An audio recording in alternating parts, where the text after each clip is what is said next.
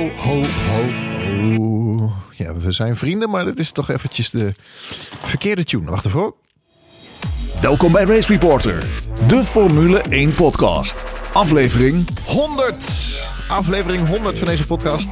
En de nabeschouwing van de gisteren verreden grote prijs van Azerbeidzjan op het circuit van Baku. De laatste keer dat Mercedes 0 punten scoorde was tijdens de Grand Prix van Oostenrijk in 2018. Daarmee kwam een einde aan de 55 races waarbij Mercedes punten pakte en een einde aan Lewis Hamilton zijn reeks van vijf, eh, 54 races in de punten. Laatste keer dat een Red Bull rijder won die niet Max Verstappen heet, was Daniel Ricciardo in, tijdens de Grand Prix van Monaco in 2018. En omdat Max Verstappen geen punten scoorde en Lewis Hamilton, is Lando Norris de enige rijder die dit jaar alle races een punt heeft gescoord. Het vijfde seizoen van deze Formule 1 podcast, aflevering 100. Ik ben Lucas Degen en ik ben weer terug van weg geweest. Ik had corona te pakken. En kan je vertellen, dat was geen pretje. Dankjewel Frederik voor het invallen. We zitten hier weer met ons vaste team in de studio in Haarlem. Charlie Alving, Jeroen Demmerdaal en Jeroen Scholten. Heren, stel je nog kort even voor. Nou, ik ben Charlie Alving. Ik eh, ben eh marketingmanager, oprichter Trackside Legends en alle andere dingen die ik altijd herhaal. Maar vooral eh fanatiek eh, volger van de autosport en Formule 1 zo nu en dan. Zo. Fanatiek, Zo. fanatiek volger ook echt. Ja, geen fan, maar wel een liefhebber. Oké, Goed zo. En, eh, en je bent natuurlijk allereerst Formule 1 coureur. Dat was Ehm, en ik ben Jeroen Demmendaal en ik ben samen met Charles de enige die nog geen corona heeft gehad in, eh, in dit groepje. Ehm, en eh, ik, ik schrijf eh, en ik geef ook een eigen tijdschrift uit. Want de nieuwe Volgas, die komt er over een paar weken aan. Ja, leuk. zoek dat op. Volgasmagazine.nl. Eh, de nummer, nummer 2 komt op 24 juni uit. En ik ben eh, tenslotte Jeroen Scholten en ik ben eh, een fan en geen liefhebber van de sport. en ik heb eh, corona gehad, ik heb ook vaccinaties gehad.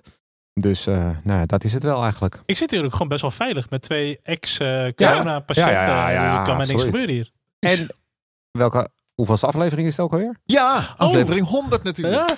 Hey Lucas, hoeveel heb jij nou bijgewoond nu? Dan? 99. ook echt gewoon Ja. echt in de honderd Ja. in zicht en die strandt gewoon eentje ervoor. Dit not, Ja, dus- dit not start. Ja. Over twee weken weer een feestje. Dat is de honderdste aflevering voor Lucas. Lucas, Hey, Hey. dus ik, ik laat alles hangen. Gewoon alle slingers. Ah, Maar lekker, we hebben Freps liggen hier. ik Allemaal had een, eh, Mexicaanse ja, ik heb, eh, maar daar gaan we het zo over hebben. Over de winnaar natuurlijk. Allemaal eh, chili beans, Mexican style. En jalapenos heb ik voor jullie meegenomen. Het ziet er echt walgelijk uit. Maar ik neem het mee en dan... eh geen idee Ja, ben. lekkere, lekkere Mexicaanse editie. Wraps en alles. Ik wil zeggen, daar kan iemand eh, zijn hersens mee inslaan met dat ding. Hey, er ligt ook nog een boek daar, zie ik. Als Ja. ik eh, goed zie, eh, toch? Ja, we hebben hier ook een boek, hè? Het, het prijsvragen boek. Waar de oh ja, de prijsvraag, ja. Ja, waar de prijsvraag gedaan voor, eh voor hè, de dichtst bij de pole position tijd zou zitten. En die gaan we aan het einde van deze aflevering ook nog bekendmaken. Leuk. Moet er wel een tromroffel bij natuurlijk. Ja. Want dat wordt natuurlijk een super spannend moment. Ik zie een mooi oranje kaft. Ja, gaat over Max Verstappen. Even kijken, wat staat erbij? The Inside Track on a Formula 1 Star. Ik heb hem gelezen, mooi boek, goed boek. Gaat wel eh, heel erg eh, ver diep in op, de, op zijn kartperiode en zo. Dat vond ik zelf wel heel leuk, want dat had ik nog niet zo uitgebreid gelezen. Ja, aanrader. Zeker. Ook was leuk een eh, boek over Max wat niet uit Nederland komt. Ja, dat is het, is, eh, het is duidelijk geen fanboy. Hij laat ook eh, ehm, onderwerpen die er in Nederland nooit zo besproken worden, die laat hij niet onbesproken. Dus het is wel, ja, de moeite waard. dus, dus de avonturen van vader Jos komen ook De, de avonturen van je vader Josa gaat er niet super diep op in, maar hij verzwijgt ze ook niet, nee. Ik ben benieuwd wat het management ervan vindt. Maar goed, dat, eh, Nou, Nou, eh, ik gok dat het volledig ongeautoriseerd is. Nee, ja, dat sowieso. Maar ik denk dat de Engelse journalisten wat verder, eh, ja, daar wat minder... eh, en misschien dat je ze een meer boze tweet die kant op krijgt. Maar verder valt het wel mee, toch? De Grand Prix van Azerbeidzjan, Baku. Wat een fantastische race. Waar, waar moeten we in hemelsnaam beginnen? We gaan het hebben over de zegen van Perez. Het drama van Pirelli, de fout van Hamilton. Podia voor Vettel en Gasly. Pol van Leclerc. De problemen van Bottas en zijn wagen. En een vooruitblik op het beste, leukste, fantastische circuit van dit jaar. Paul Ricard. En natuurlijk de luisteraarsvragen. En de, wat je net al zei, inderdaad, bekendmaken van de winnaar van onze prijsvraag. De race, bordjes omhoog. Was dit de mooiste race van het jaar? eh, nee, dat Ja. is eh, de volgende race. Nee, ik ga, ik, ik, ik, eh, ik ga naar Oostenrijk, dus dat wordt de mooiste race. Ah, oké. Ja. Mooi. Ik ga naar België en Nederland, dus dat wordt ook de mooiste race. Oké, al mooiste race. Ja. Races. Allemaal, Ja, allemaal ik de eh, mooiste deze race. een Het is een soort Ja. opera, Deze zeg maar. een Jij bent acht. mooiste race, jij bent mooiste race. Everybody gets een mooiste race gewoon. Charles, wat vond je Ja. van de race? Ja, ik, eh, ik gaf het een 8,5. Ik vond het eigenlijk wel een hele prima race. Het was wel op een gegeven moment, dacht je, het wordt misschien toch een beetje snoezer. Alles was gesetteld. Ja, toen kwamen natuurlijk de, de ploffende Pirelli's. En toen eh, kwam er nog wel even wat actie in de wedstrijd en wat emotie. Dat was wel, eh, wel verrassend. Maar oh, ik wilde eerst eigenlijk ook even beginnen met de kwalificatie. Want daar eh, gaan we zo aan voorbij. Monaco zeggen ze altijd de spannendste kwalificatie van het jaar. En dat is het ook. Maar ik vond dit eigenlijk ook wel een hele bizarre natuurlijk met de rode vlag. Het, eh, Vier of vijf? ja, Giovinazzi in de muur. eh Ricciardo, Stroll, Tsunoda. De Sainz die nog even erachteraan klapte. Dat was wel even een dingetje. En natuurlijk Leclerc die eh Paul pakte. Die toch eigenlijk een mooie eh, slipstream van Hamilton wist mee te nemen. Ja, Max die natuurlijk niet zijn snelle ronde eh, kon, kon afmaken. Zo zie je maar wat een echt stratencircuit op kan leveren. Als je gewoon een echt stratencircuit hebt in plaats van zo'n zeg maar nep stratencircuit als Sochi. Als je gewoon overal en ergens een betonnen muur zet, dan hebben we het niet meer over, eh, over track limit. Nee, als je dan gewoon in, eh, wat is het, turn 15 eh, iets te laat of iets verkeerd remt, ja, dan hang je gewoon in de touwen. Heel simpel. Maar wat me wel opviel was dat het dit, dit jaar iedere keer turn 15 was. Terwijl jaren daarvoor was het bij het kasteeltje. Of is het, En die was ook eh, iets aangepast. Hè? Die was minder Ja. scherp. Die hele Ja. echte, echte knik was er natuurlijk een beetje uit. En het werd meer Dus een ja, beetje... Ja, ze, hadden de, dacht- cur- ze hadden de curbs eruit gehaald, hè? Dat, wa- dat? dat, waren Ja. nu, dat was nu gewoon eh, op de, op de baan Maar- geschilderd. Maar turn 15 ging vorig, voorgaande jaren toch wel altijd wel goed. Ja, maar het is Ja. wel een hele lastige baan. Want je gaat een hele lastige bocht. Want je gaat naar beneden daar. En dan, eh, dan, dan ligt, heb je vlak voor, dat, eh, voor het aanrempunt heb je dat rare knikje naar rechts er nog in zitten. Als Ja. je van dat, eh, dat snelle eh, rechte stuk komt. Dus het is een wel een hele lastige bocht. Ja, en het gaat daar best snel. Ja. Hmm. Maar de, die, bij dat kasteel was ook altijd wel lastig. Want als daar iemand crasht, dan is de kans dat je er nog Ja. langs kan gewoon niet heel groot. en ik denk ook als je het dan hebt over Tsunoda en, en Sainz. Want mensen zeiden ja, dat dat Sainz nooit kunnen zien. Ik, ik weet niet. Ik heb niks van Sainz gehoord, hoor, wat hij heeft gezegd. Maar ik kan me echt voorstellen, als je in die Formule 1 auto zit. Je weet exact waar iedereen remt. Je ziet echt wel die auto voor je wat er gebeurt als hij zich wat verremt. Ik heb het idee dat Sainz wel wat agressiever op, op de rem ging. En daardoor spinde. Ik denk niet dat het twee compleet losse incidenten waren. Maar misschien weten jullie Ik- dat iets beter. Nou, dat durf ik niet zeggen. Voor mij heeft hij wel eh, iets eh, gezegd erover dat hij wel verrast werd door Tsunoda. En volgens mij hadden we in de vrije training ook nog een incident, of een incidentje, maar was Bottas eraf gegaan waar Norris er ook nog eens vlak achteraan klapte. Dat was een soort gelijk eh, gevalletje. Toen ze alle, Bottas die draai alweer maakte, dus eigenlijk op elkaar afreden zo. Ja. Dus volgens mij worden ze soms wel verrast hoor, op, op, een, op een dergelijk smal circuitje waar iemand anders net even te ver doorschiet. Ja, of Sainz zat natuurlijk ook gewoon te kloten met zijn eh, Break Magic knopje. Oh ja, want er Dat, zit een eh, knopje kan- op en die stoot je zomaar per ongeluk aan soms. Dat is waar. Zeker, zeker. Ik snap daar eh, nog steeds helemaal niks van. Daar gaan we het zo nog wel over hebben. Maar ik snap nog steeds die uitleg niet. Ja, het was wel een soort van magic, want het was gewoon ineens verdwenen. Dat is een grote verdwijning. Het was op een, ja, exact. Maar het, het is wel schijnbaar iets wat je op het stuur moest doen. Door een aantal combinatie van knopjes in te drukken. En schijnbaar tikte die dat dan per ongeluk aan Ja, bij die herstart. Ik, ik snap er helemaal niks van hoor. Ja, het, Maar was, eh, het was meteen ook de ego, die liet ze ook meteen verdwijnen van Hamilton verdwijnen. Dat was echt eh, top. Maar ik heb, ik, heb gisteren, ik heb gisteren op Twitter een eh, filmpje gepost van uitleg van Mercedes. Het filmpje is een half jaar oud. Je hebt wel de rechten Van van, het het filmpje, of had je het van gedeeld? Was, nee, maar daar werd het stuur. Toen niet van- vanaf je tv gefilmd hè. Ja, maar er werd het stuur uitgelegd. Maar, dan, dan, maar dan moet dat knopje achter het stuur zitten of zo. Of erop. De, de hele zit- magic button heb ik niet gezien. het zit op zijn stuur, maar je hebt natuurlijk ook wel weer een heel andere positie met de start, met zijn koppeling en Ja. zo. Dus wellicht dat daar eh, toch iets is gebeurd met de start. Maar goed, laten we beginnen bij het begin Ja, qua race. begin bij het begin. Eh, Leclerc ditmaal wel echt vanaf Pol. Ehm, die natuurlijk wel wat geluk had dat niemand onder zijn tijd door was gekomen. Maar een hele goede start. Eh, Hamilton en Verstappen die natuurlijk relatief eenvoudig. En ook Perez langs Leclerc kwamen. Dus die was eigenlijk binnen no time eh, eh, van het podium afgekukeld alweer. Ja, en eigenlijk gewoon natuurlijk een dominante race van Max Verstappen. En ook alle Engelse fans begonnen alweer een beetje klagen over de, de saaiheid in de dominantie van Max. Nou, dominant wedstrijd van Red Bull zou ik willen zeggen. Want eh, Ja. ook ehm, eh, Sergio Perez was natuurlijk Leclerc binnen no time voorbij. Eh, Vervolgens tijdens de pers, eh, sorry, tijdens de pers, tijdens de pitstops eh, eh, kwam die Hamilton voorbij. En ja, Hamilton zette hem wel onder druk. Maar uiteindelijk had Perez geen kind aan, eh, aan- aan Hamilton. En was Red Bull gewoon op weg naar een 1-2. Prachtig Nou, toch? voor- vooral ook dat, eh, dat Hamilton zijn stop was niet ideaal. Maar die van Perez ook niet. En die zat Nee, er toch echt nee. wel achter. En dat hij Mm. toch nog voor, voor Hamilton kwam. Dat vond ik wel, wel vrij frappant. Maar Ja. echt wel eh, een goed optreden van Red Bull, absoluut. En we moeten het takje niet vergeten, hè? Het takje, Het zeker. takje van Leclerc. Ja. Want dat was de reden waarom die ingehaald werd. Ja. Het Ja. takje van Leclerc, daarvoor moest je die chicane, of eh, daarvoor moest je Ja. dat, eh, die bocht afsnijden. Die Max ook eh, Ja. vanwege het takje moest afsnijden. De En toen van Max was wel goed ook. Toen heeft hij wat ingehouden om, om geen voordeel te hebben. Ja, vlak voor het rechte stuk. Dus dan word je gepakt door Mercedes. Het takje van Leclerc. Takje Dat vermaledijde takje. Het takje. Echt een takkentakje. Zeker. Maar ik vond het wel prachtig om te zien hoor. Twee- Een keertje twee andere auto's voor een Mercedes. Ja, dat is fijn. Dat is echt wel weer... eigen eh, kracht. Nou, sowieso ook, eindelijk heb je het gevoel van, hey, Max heeft gewoon echt een goede wingman. Ja. Perez die kon ervoor blijven. Geen vuiltje aan de lucht. Eh, zelfs niet eens naar de Ja. safety car die natuurlijk naar buiten kwam. Eh, de geplofte band ook van Stroll. Toen dacht je, nou, ook bij de herstart, eh, of daarna zeg maar naar de safety car ging het ook gewoon weer goed en zo.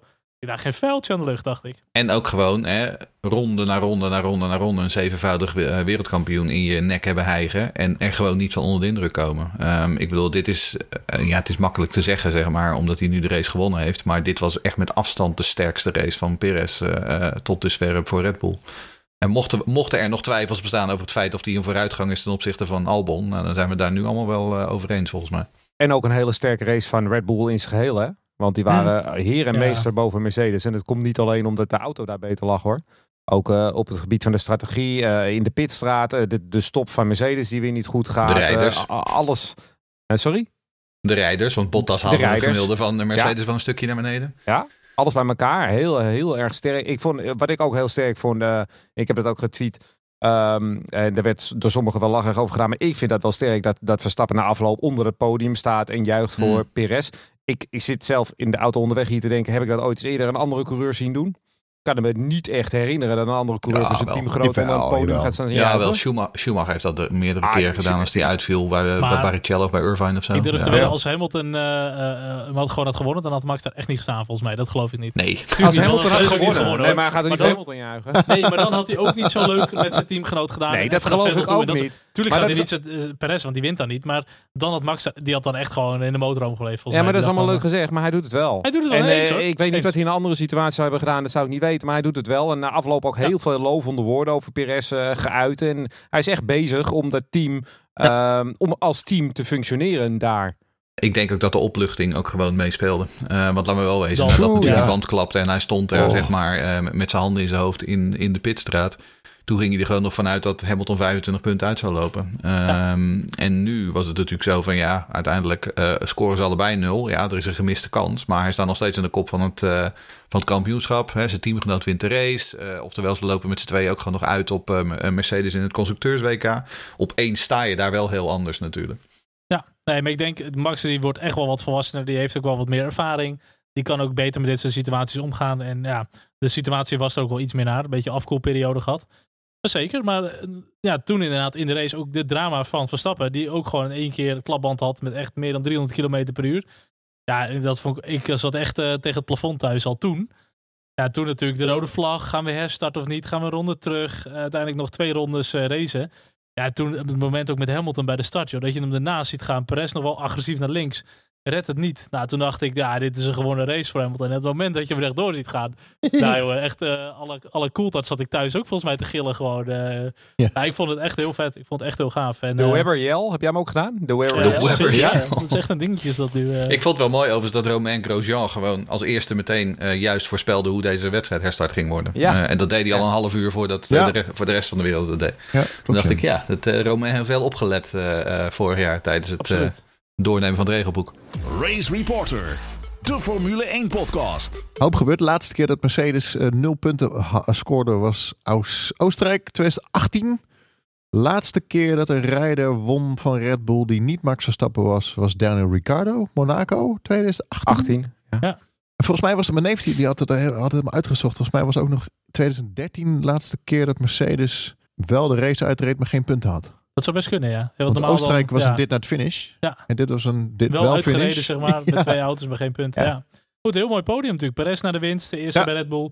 Vettel P2. Ook super tof, eh, vind ik dat. Gasly gewoon een hele goede race gereden. Weer op het podium. Ook nu gewoon een derde plek.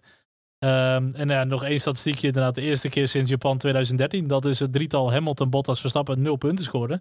En dat was dus, eh, Verstappen zat toen nog in de karts en eh, Bottas in een Williams. Dus die race een beetje even hard als deze race toen. Maar ehm, ja, En, voor het, en voor het eerst sinds 2014 dat Red Bull twee races achter elkaar wint. Ja, inderdaad. Hele goeie. Bizar. Goed, we hebben nog een eh, vraag ook binnengekregen van Sander Wolbert. Hij zegt, de heren, ten eerste hartelijk gefeliciteerd met jullie honderdste uitzending. Dankjewel, Nou, dank jullie wel. dankjewel. Dankjewel. En hij vraagt, vinden jullie dat er iets gewijzigd moet worden aan het kwalificatieformat? En zo ja, wat? En dan Nee. doel- doelt hij natuurlijk met name op die, eh, op, die, op die rode vlaggen, op die crashes, waardoor mensen hun ronde niet af kunnen maken. Ehm, maar voor mij is dit kwalificatieformat gewoon oké. Je kan zeggen, we doen alle auto's eh, apart van elkaar op de baan. Eh, die hebben een snelle ronde. Eh, maar dat, dat geeft ook niet heel veel actie. Weet je wel? Dat lijkt leuk. Maar 95% van de tijd kan je het dan ook gewoon voorspellen. Ik zou zeggen, joh, laat ze lekker vrij. Dan krijgen die strategische spelletjes. Dan had Max bijvoorbeeld in dit geval maar moeten kiezen om toch eerder naar buiten te gaan en het heft in eigen hand te nemen. Als je erachteraan rijdt, dan, dan weet je gewoon dat je, dat je opgehouden kan worden of dat er iemand crasht. Ik Ja. vind het kwalificatieformat prima. Ik denk dat hij ook doelt op eh, wat er in Monaco gebeurde. Dat eh Leclerc natuurlijk Ja. crasht. En in Amerika pakken ze dan die tijd volgens mij af. En Ja. dat is ook een beetje waar nu de VIA een beetje eh, gezegd heeft naar te gaan kijken. Dat is iets wat je hebben daar wel eventueel zou in, kunnen inderdaad. doen. Ja. Ik, ik, vind dat, ik vind dat best wel een aardige. eh is ik zou dat best wel een aardige regel vinden. ja. Maar dat is echt een tweak, vind ik. Dat als jij inderdaad. Ja, maar dan is het een tijd- regelverandering. Maar het format aan zich Nee. is prima. Het format, wat je zegt, eh, als zo'n kleine tweak zou kunnen, ja. Maar dat had in Baku natuurlijk eh, niet, niets uitgemaakt. Maar in Monaco wel, ja, daar sta ik zeker voor open. Nou, voor mij hoeft het niet per se hoor trouwens. Want ik vind, eh, kijk, dan krijg het overduidelijk per ongeluk in de fout. Eh, ik vind prima, kan gebeuren. Het is een straatcircuit, daar moet je rekening mee houden. Het, ga- het gaat al 100 jaar goed, 100, haha.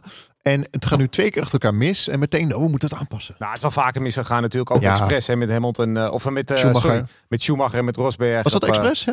eh, zou kunnen, zou kunnen. Hoewel Schumacher hetzelfde dingen expres deed. Dat zou Schumacher nooit doen. nee, nee, zo is hij niet. Dat doen Duitsers sowieso nooit. Maar Palmer, he- Palmer heeft toch ooit gezegd: You have to be eh, alert on a street circuit of zo? You have to be aware on a Eh, street circuit. ik niet. Die, Ik ja, die man had wijsheid, jongen. Ja? Ja, joh, dat is niet normaal. Er is nog, nog een vraag binnenkomen van een ene LD uit Haarlem. Die vroeg, ehm, denken jullie dat Red Bull tegen Gasly heeft gezegd van... joh, jij laat in de eerste ronde de pers voorbij. Eh, nee. Oké. Nee, dat denk ik ook niet. nee, dat geloof ik Charles? niet. Nee. Help mij. Ik, eh, de, het, de enige wat, wat, wat, wat Alfa Tauri en Red Bull onderling eh, zullen bespreken af en toe is als het gaat om achterblijvers, dat je iemand niet hindert en dat soort dingen. Dat je er wel echt extra alert op bent als het max is. Eh, maar voor de rest uh, uh, we spreken die niks onderling, denk ik, qua dat. Nou, het was wel natuurlijk met de pitstop volgens mij dat Hamilton wel iets werd opgehouden door een van de Alfa Tauris. Maar, goed, ja, maar dat dan je zouden ze kunnen zeggen, we klappen wel achter Hamilton aan, omdat we dan toch ook in de pit zitten. En, Ja, maar ik, ik vind het best wel far-fetched. Ik geloof dat niet. Oké, nou, Nee. ik vond het een goede vraag. Van, eh, dankjewel daarvoor. Het weekend van Checo. Fantastisch. Hij heeft een grote smaal op zijn gezicht. Had hij. Feliz Navidad, Ja. zeggen we dan allemaal. Nou, ik moet zeggen, dat was wel leuk. Dat we inderdaad ook gewoon een vraag in het Spaans kregen eerder vandaag via ons eh, Twitter-account. Eh, ik heb nog steeds geen idee wat er stond. Want ik gooide het door de Google Translate en toen snapte ik er nog steeds geen hol van. Maar eh, toch fijn dat de Race Reporter ook eh, alive en kicking is in Mexico. Kunnen we hem eh, niet eh, doorzetten naar eh, de Spaanse race reporter of zo? Of de Mexicaanse race reporter, hoe heet die? Ja, we sturen hem even naar Gino Morillo Morales, onze trouwe luisteraar. Die, Oh ja. die is Ja. vloeiend in het Spaans. Dus Die die, DJ kan het uit de misschien... jaren negentig. Ja, Ik denk- ik- Gino, als- als je, als, je, als je dit hoort, en eh, zoek hem even op, zeg maar, in ik- ons draadje en eh, vertaal het even. Als je kijkt naar die jalapeña's, dan denk ik dat hij de, de Mexicaan zit aan de race reporter. Denk ik dat hij dan. Hij heeft wel een hoop eh, rear end, hebben we al, hebben we al begrepen van, eh, van Hamilton. Toen zag ik gisteren iemand vervolgens die eh eh Checo Perez bovenop Jennifer Lopez had eh gefotoshopt. Dat vond ik wel wel weer geestig. Ik moet daar ook te hard op lachen gewoon. ja, ik kan daar ook heel erg hard op lachen. Ja, ik, ik, ja nou ja, goed, dat soort dingetjes. Maar ja, ach, ja, weet je, we zaten gisteren natuurlijk met z'n allen redelijk in die laatste paar ronden van nou, eh, het wordt inderdaad wel een beetje een snoezer. En Max die rijdt dit gewoon langzaam naar huis. eh, en, en Perez wordt netjes tweede. En toen klapte er opeens een band. En eh, opeens hadden we een hele andere wedstrijd.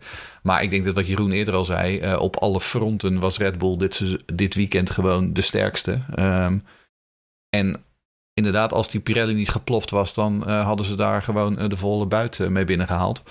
Ehm, dus ja, ehm, eh, ik denk wel dat het heel veel ehm, eh, positieve energie geeft eh, richting de rest van het seizoen. Want dat, hebben, dat idee heb ik wel, dat op dit moment Red Bull wel echt de bovenliggende partij is. En eh, Toto Wolff zegt het al van Mercedes kan niet op deze manier twee keer zoveel punten verspelen. Nee, maar ondertussen doen ze het wel. En dat geeft wel aan dat het ook bij Mercedes op dit moment echt geen, geen vree is. Ehm, eh, we, hebben het al in, in- we gaan het straks nog wel over Bottas hebben, eh, die natuurlijk op dit moment echt helemaal nergens is. Al dat speelt in het voordeel van, ehm, eh, van Red Bull. Eh, Ja. En wat ik gisteren tegen jullie al gekke, gekke zei, met een beetje gekkigheid. als Se- Sergio een beetje doorpakt nu, dan kan hij nog meedoen om de wereldtitel. Ja, dat, maar dat, is ook, nee, maar dat is ook wat ik zat te denken. Kijk, Max loopt nu niet die 15 punten uit, wat hij heel graag had gewild en wat ook nodig was. Maar die mentale klap aan Hamilton, aan Mercedes en de Ja. confidence boost die Perez nu krijgt, is Ja. toch een stukje drukker af. Hij heeft nu al dit één keer gedaan en dat lukte bij, bij Albon en bij Gasly en zo lukte dat niet. Kan ze echt nog wel wat gaan, gaan opleveren. Maar vooral het laatste, ja, die boost zelfvertrouwen van Perez. Zo Ik belangrijk. vind het echt, zo, echt fijn voor hem. Nou, en ik, ik, zat, ik zat al een beetje te, te, te- vanochtend een beetje te vergelijken met eh, de punten van vorig jaar bijvoorbeeld. En, en Alexander Albon had vorig jaar in 17 races 105 punten. eh, en Sergio Perez heeft er nu al 69 in 6 races. Eh, weet je, het, het, het, het, het, is, het scheelt echt een slok op een borrel, die jongen. Ehm, en, en daarom staat Red Bull op dit moment nu gewoon bovenaan in het constructeurs-WK. Ja, maar je, je weet ook, ik, ik zag die twee Red Bulls achter elkaar. Je weet dat er een ervaren goede rijder op die tweede plek rijdt. Ik noemde hem al eh Sergio Ir- Irvine. Maar het voelt, ik, ja, het voelt gewoon goed. Eddie Perez toch, zei je of niet? Eddie Perez. ja. Dan nog een vraag binnen gekregen ook van Albert Stevenson. Nou, laten we er Allard Stevenson van Allard maken, maar vooruit. Ja, ja want uiteraard, wat, waar gaan de vragen over? Die gaan over die Pirelli's. Eh, we hebben een hoop vragen gekregen. Ehm, en uiteindelijk ja, zit, hè, zal Pirelli fout met de banden? Nou, dat weten we allemaal nog niet. Eh, Pirelli gaat dit natuurlijk uitgebreid onderzoeken. Ehm, maar hij vraagt, zal Pirelli de rest van het seizoen de hardere band gaan kiezen? Eh, want dat zou nadelig kunnen zijn voor Red Bull en voor Max Verstappen. En dat kan dus een grote impact hebben. Ehm, nou, dit komt dus weer terug op, eh, zat Pirelli werkelijk fout met de banden? Want ik, ik, ik weet nog niet of je dat echt eh, kunt, kunt ehm, concluderen. Eh, feit is namelijk dat we op een straatcircuit rijden. Feit is dat je op een straatcircuit altijd veel meer last hebt van debris ehm, eh, dan op normale banen, waar het nog wel eens het gras in stuitert. Hier, hier, hier kan dat natuurlijk niet. Ehm, eh, Max Verstappen zei gisteren natuurlijk een beetje honend van ja, Pirelli gooit het altijd op de debris op de baan als er een keer een band stuk gaat. Maar we weten ook dat op, het- op de plek waar Verstappen uiteindelijk zijn band kapot reed, even daarvoor had Lance Stroll daar zijn auto helemaal kort gereden. Wie weet dat daar nog een stukje Kevlar ligt. Bottas, een paar jaar geleden. Ik denk dat we vooral even af moeten wachten wat Pirelli en wat de, de techneuten van Pirelli hier naar boven kunnen halen. Want die eh, kunnen met microscopische eh, eh, tools kunnen ze precies uitvogelen wat er nou precies verkeerd is gegaan met die band. We weten dat Hamilton ook een scheur in, zijn, in zijn achterband had zitten. Ehm, dus het zou mij niet verbazen als het inderdaad gewoon te maken heeft met, eh, met kleine rotzooi op de baan. Volgende vraag die we binnenkregen is Sven Brandsma, ook over de Pirelli. Eh, Oké, Pirelli stond op een vervelende manier in het spotlicht, zegt Sven. Maar ik heb een Twitter-reeks van Hopington gelezen... waarbij hij netjes uiteenzet dat de kritiek maar deels terecht is. Met andere woorden, het zit wat compacter in elkaar. Wat weten jullie daarvan en zijn jullie het met hem eens? Nou, ik ben sowieso, als het eh, gaat over dat soort zaken, technische zaken... zeker op het gebied van banden, laat ik mij Hopington eh alles wel aanleunen. Want die heeft eh, heel vaak daar gelijk in. Maar ik zit eigenlijk wel een beetje in de hoek ook eh, van wat Jeroen net zegt hoor. Ik heb zelf het idee dat debris goed de oorzaak zou kunnen zijn. Ook bij, ook bij Lance Stroll. Je hoorde na afloop, zei Valtteri Bottas ook zoiets. Hè, die zegt ja eigenlijk altijd als ik over Azerbeidzjan rij. Altijd ligt er rotzooi links en rechts op zo'n stratencircuit.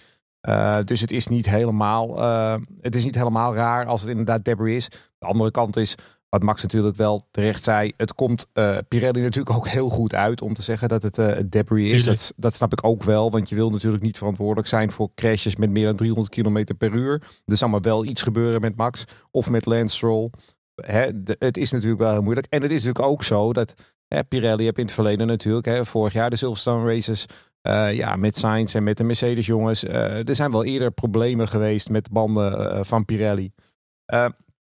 Ja, Maar als er echt een constructiefout in zou zitten, dan gaat Pirelli daar ook echt wel mee aan de slag. Want ook voor Zeker. hun qua rep- reputatie is dit natuurlijk een enorm probleem. Weet je, Pirelli wil niet in het nieuws komen door het feit dat hun banden de hele tijd klappen en dat mensen met 300 km per uur de in sla- inklappen. zeker. Want ook Pirelli zit toch wel in een lastige hoek, want die willen iedereen pleasen. De rijders qua strategie, de FIA en zichzelf qua veiligheid. Ze willen, de teams willen weer geen zware banden. Eh, Ja. Ze hebben vaak, natuurlijk, ze hebben nu wel die testdagen, maar ze hebben niet een, een eigen auto waarmee ze kunnen testen. Dus het is voor hen ook wel lastig om die eh, performance, de veiligheid, alles te waarborgen en iedereen tevreden te houden. Ja, daar moet je soms wat concessies in doen. En het is niet alleen eh, Pirelli. Hè. Ik denk dat je ook moet wijzen naar de FIA. Want je hebt het gewoon Ja. over een opdrachtgever en een aannemer. En Ja. eh, eh, in dit geval is de FIA de opdrachtgever. En die vraagt om een bepaald type band. Want Pirelli kan gewoon net als iedere andere bandenleverancier een band maken waar jij gewoon makkelijk 300, nou wel 1000 rondes rustig mee kan racen zonder dat Ja. die je ook maar enigszins aan kwaliteit inboet. Alleen dat mogen ze niet, want de opdracht is vanuit de VIA dat we toch graag eh 1 à 2 stops per wedstrijd willen zien. En dat we verschillende compounds willen zien. Eh, waar de teams uit kunnen kiezen en al dat soort dingen meer. Dus er zijn gewoon een aantal Ja. vragen gesteld door de VIA. En daar voldoet Pirelli aan. Want in dat opzicht maakt het ook niet uit of het Bridgestone is, of Michelin, of Dunlop, of wat dan ook. Dit is gewoon de tender en de, de, de reglementen die hun wordt gegeven. En Ja. daar moeten ze het mee doen. Overigens had Alex Palau wel een beetje een cheeky eh, tweet gisteravond. Had je die gezien? You just want to have a good year? Was dat die? Nee, die, nee, nee, nee, Die was die, dat die ook had gezien, ook. nee, die ja. zei van, eh, hij zegt, eh, dit is dus waarom ik altijd op Firestones rijd. Eh, en toen dacht ik van, oh ja, even, even je eigen Oeh. banden sponsoren, een paar in de reet steken. Dat vond ik wel cheeky. Ja. Ja. En, en dan is het ook nog eens zo dat eh, Pirelli heeft vorig jaar eh, wat prototypes af. eh, die zijn allemaal afgeschoten door de rijders en de teams en zo. Hè, weet je. Dus het, het Ja. is. Pirelli zit wel in een ontzettend moeilijke hoek. En nogmaals, weet je, eh, vorig jaar hadden we natuurlijk ook een aantal problemen. Dus ik wil niet. Hè, er, er ligt ook een hoop verantwoording bij ze. En ze moeten ook heel erg goed naar zichzelf kijken. Ehm, maar ja, niet alles is zo zwart-wit als dat, eh, als dat Max het gisteren deed geloven, denk ik. Maar verder hebben we nog een vraag ook van Wessel. Die vraagt, indien Pirelli fout zit met de banden, gaat het bonnetje voor de vervolgschade aan de Aston Martin en Red Bull dan ook die kant op? En telt een door deze crash noodzakelijke motorwissel bijvoorbeeld ook mee? Nou, volgens mij is daar het, antwoord gewoon keihard nee op. Die schades is gewoon echt voor eigen rekening. Eh moeten teams gewoon altijd zelf betalen. Kan je ook helemaal nergens op verhalen. Eh, ik weet wel heel incidenteel en toevallig ook op Baku was er toen wel eens ooit een losse putdeksel. Daar reed Oh ja. Russell toen Ja, vol ja. overheen. Ja. Toen was ook het eh, chassis helemaal kapot volgens mij. En ja, toen hebben ze wel echt een claim gewoon het circuit neergelegd. Ja. Want dat is gewoon echt een faulty eh, ding op de baan, zeg maar. En dat was ook gewoon echt gevaarlijk. Dat had ook nooit gemogen. Zo. Chassis moest vervangen worden. Willems had ook geen geld. Ja, en dan zie je dat soort dingen wel. Maar dat zijn hele lastige cases. En dat... Maar dan is het ook overduidelijke nalatendheid. En, Dat, ja. eh, en Ja. niet, niet het vervullen van het, eh, ehm, van het contract. Omdat natuurlijk zo'n circuit door de FIA wordt verteld. Al die putdeksels moeten vastgelast worden. Als je Ja. dat dan niet doet, ja, dan krijg je gewoon een bonnetje. Dus in dit geval, eh, dan, zou, dan zou over 100% eh, eh, duidelijk zou moeten zijn dat Pirelli een constructiefout heeft gemaakt in de band van het zij Stroll, het zij Verstappen. Ja, dan zou je eventueel nog een, eh, nog een bonnetje in kunnen dienen. Maar zelfs dan kun je je afvragen, wil je dat wel als team? Wil je Nee. eh, op die manier Ja, Pirelli tegen je. Nee, dat is zeker. Maar je hebt natuurlijk nu wel te maken met budgetcaps. Dus ze zitten nu wel op Hmm. iedere euro te kijken. Waar ze vroeger bij Red Bull Ja. natuurlijk eh, hè, dat, geld wel lieten rollen. Dat is nu wel minder. Maar het is niet zo dat je kan zeggen, oh, dit is de schuld. Dus ik leg het bij iemand neer. Dat is net als dat eh, iemand tegen jou aanrijdt. Dan kun je ook niet jou- jouw schade op verhalen in de Formule 1. Goed, het ging nog bijna een stuk. eh, het ging nog bijna mis bij Checo. Die moest aan het einde van de race meteen zijn auto stopzetten. Ehm, Ja. Een maar olielek of wat was er aan de hand? Ja, we hebben, ook een, we hebben ook een vraag van Jacob de Dichter. Die vraagt waarom, met welke reden moest Checo zijn auto vooral wel, vrijwel direct na de finish stilzetten. En dat was dus inderdaad een, een hydraulisch probleem. Eh, dat legde Kir- Kirsten Horner na afloop ook uit. Eh, en die zei ook inderdaad dat ze zelfs nog een aantal rondjes aan het billen knijpen waren op de, in de hoop dat Perez maar de finish zou halen.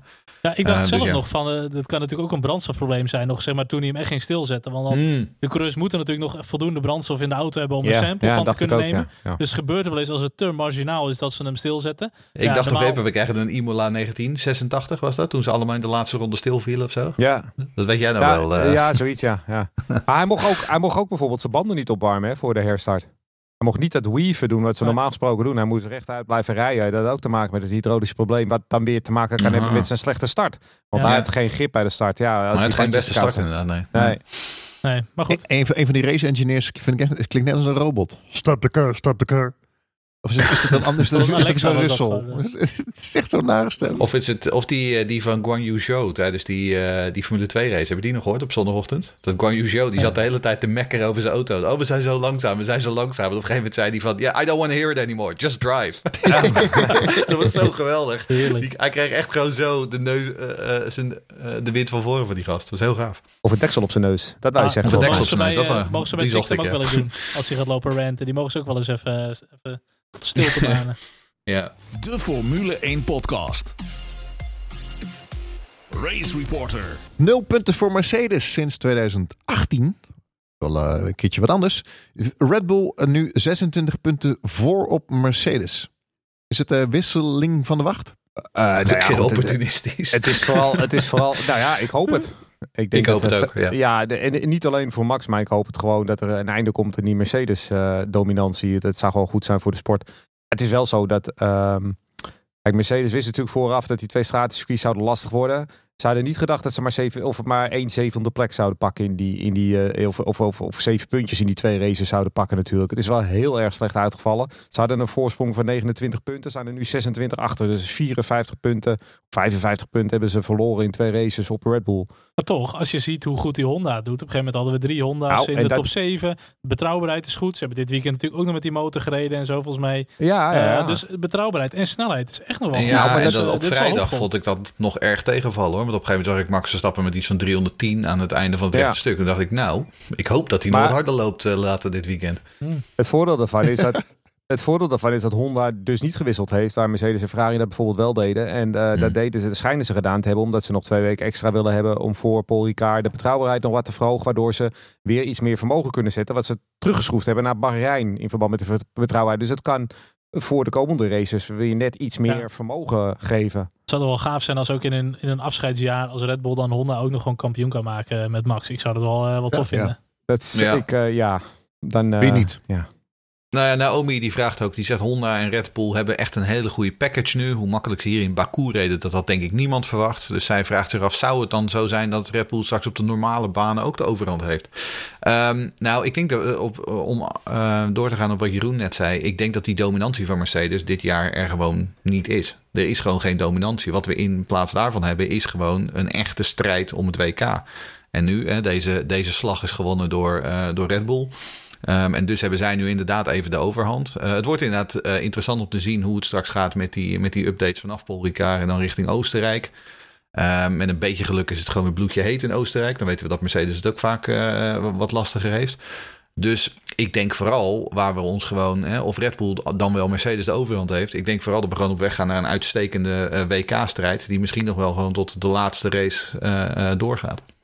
Wat ik opvallend vond was dat eh, Lewis, zelfs Lewis Hamilton zei op de boordradio van eh I can, de, de, of de snelheid in het midden is Ja. impressive. Ja. Meestal De houdt Lewis zich zo, wel in qua die- complimenten. Die Mercedes is heel lang hè, qua wielbasis en die krappe bochtjes, dat is gewoon lastig. Ja, maar, maar dat, Ja. dat gedeelte daar, ja, dat, ja, dat is gewoon door die bocht achter en zo. vorige Dat, zag dat je is de helemaal niks. achtervleugel zag je niet meer flexen. Want hij reed er wel dicht achter, maar hij heeft er niet over geklaagd dit keer. Vorige keer zag je dat toch? Vanuit zijn auto. Nee, ik bedoel? Mercedes had altijd de hoge snelheid. Zeker. Maar je had die twee keer hele lange rechte stukken. En eh, ze kwamen er niet in de buurt. Is in, in het middenveld, of hoe heet het, midden... De middensector. Ja, precies, dank je.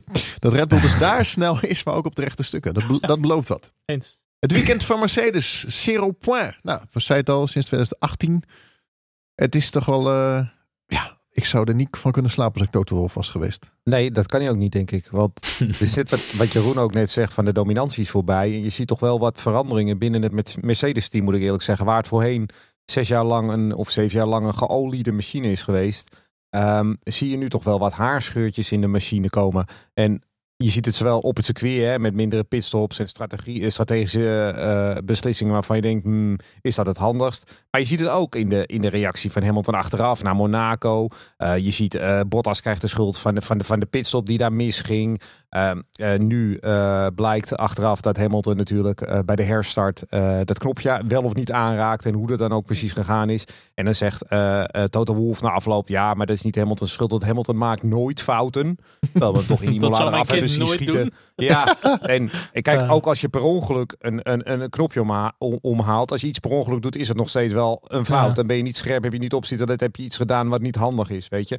Eh, Maar ook, ook de, de personeel wat natuurlijk van Mercedes naar eh, Ja, Red ook Bull gaat. 20 voor de man of zo. Het zijn allemaal van die hele kleine dingen dat en toch Christian een beetje die Horner die wisseling... dat eh, te pas en te komen. aanhaalt om een beetje bij, bij Ja. Toto Wolff. Want, want Horner is ook een vervelende klootzak. Natuurlijk. En die zit af en toe wel. het is wel heel Hey. amusant om te volgen. je Ja, hebt ook natuurlijk altijd wel verloop van personeel. Maar er wordt natuurlijk nu wel een beetje geshopt daar. En dat zijn allemaal die kleine dingetjes. Dat, ik vind het wel mooi om te zien. Nou, maar het heeft er ook mee te maken natuurlijk dat eh, eh, de, de toekomst van het team al een tijdje zeg maar Ja, eh, ter ja, discussie staat. Hè? Die, Ja. die aandeelhouders, zeg maar, die samenstelling is aan het veranderen. Er is gewoon op dit moment minder continuïteit. En dat gaat op een gegeven moment gewoon organisaat, organisatorisch. Dat gaat een beetje knagen. En dan, hè, dan zit het nu nog een beetje tegen. En dan heb je ook nog een tweede coureur die er als een natte krant in de rond rijdt. Ja, Nou. dan, dan wordt het gewoon een beetje zeuren. En dan merk je gewoon dat de foutjes erin sluipen. En wat ik, wat ik ook heel interessant ga vinden om de komende races te volgen, is, is toch wel eh, de ontwikkelingen rond Lewis Hamilton. Want hij eh, heeft natuurlijk jarenlang eh, de Formule 1 gedomineerd, maakte nauwelijks fouten. En nu hebben we toch in een paar races tijd hier en daar een enkel een fout gezien. Flinke fout ook. Hè? Want, want Imola heeft hij heel veel geluk gehad. Maar hij rijdt Ja. maar gewoon de vangrail in. En gisteren al normaal een hele grote fout. Ehm, ik ben wel heel erg benieuwd. ehm, hij is natuurlijk heel lang eh, onveilbaar geweest. Maar nu komt de druk erop. En nu staat er toch die, eh, die, die toch iets wat vervelende Max Verstappen heel dicht achter hem of voor hem zelfs. Eh, ja, hij, hij blijkt toch wel menselijk te zijn. En nu gaan, we, nu gaan we dit jaar denk ik zien hoe goed Lewis Hamilton echt is. En ik denk nog steeds dat hij heel goed is hoor. Dus het is niet zo dat ik aan hem ga twijfelen. maar je ziet wel een verandering nu de druk erop staat. Ik wil het toch even opnemen over Bo- voor Bottas. Want ik had gezegd aan het begin van het seizoen, ik ga dit jaar opnemen voor Bottas. Ehm, Nou, veel succes. nee, maar is, is er niet iets, want hij zei het voor de race Jawel. al, er is iets mis met deze tweede ja, auto. dat is er ook wel. We hebben allemaal ook eh, de beelden gezien, het filmpje waarbij die door zeven mensen in een half minuut Ja. erin gehaald of zo. Daar Dat is ook wel niet. iets. Ik geloof, kijk, Bottas hebben we altijd Ja, maar een dat, beetje grappig dat filmpje, gemaakt. dat was gewoon slecht verdedigen. Ja, natuurlijk is het ook slecht verdedigen. Maar eh, dat is ook een jongen die, eh, die, die die hele wedstrijd al lang opgegeven. Door het putje heeft gegooid. En het allemaal geen klap meer interesseert. Maar eh, ik geloof, we, we hebben Bottas, die, hebben, die zien we toch al tien jaar lang in de Formule 1 rijden. Die jongen die kan gewoon hartstikke goed autoracen. In ieder geval heel snel. Nou, hij kan heel snel rijden, maar hij kan hij niet kan heel snel. Ja, ja, Ehm, maar die ik snelheid denk was dus dat ook niet. Ik denk, dat je, ik denk dat je wel gelijk hebt. Kijk, ik denk dat ze dat ding waarschijnlijk, eh, als ze de tijd hebben, dat ze dat ding helemaal uit elkaar gaan halen. En gaan kijken van wat is er nou precies aan de hand. Want inderdaad, er is natuurlijk iets wat off is. Eh, Ja, aan de andere kant is het ook wel zo, en, en dat vind ik altijd wel een beetje bij Bottas. Hij laat altijd wel een beetje snel het kopje hangen. Ja, eh, als, als, als het niet Ja. lekker gaat, dan, dan krijg je dit. Want uiteindelijk is het wel zo. ehm, eh, zijn teamgenoot reed gewoon aan de kop van de wedstrijd. En hij was aan het zwemmen in de, in, op plekje 10. En hij kwam, wat is het? Was het Alonso of Ocon die voor hem reed? Nee. En hij kwam er wel niet voorbij.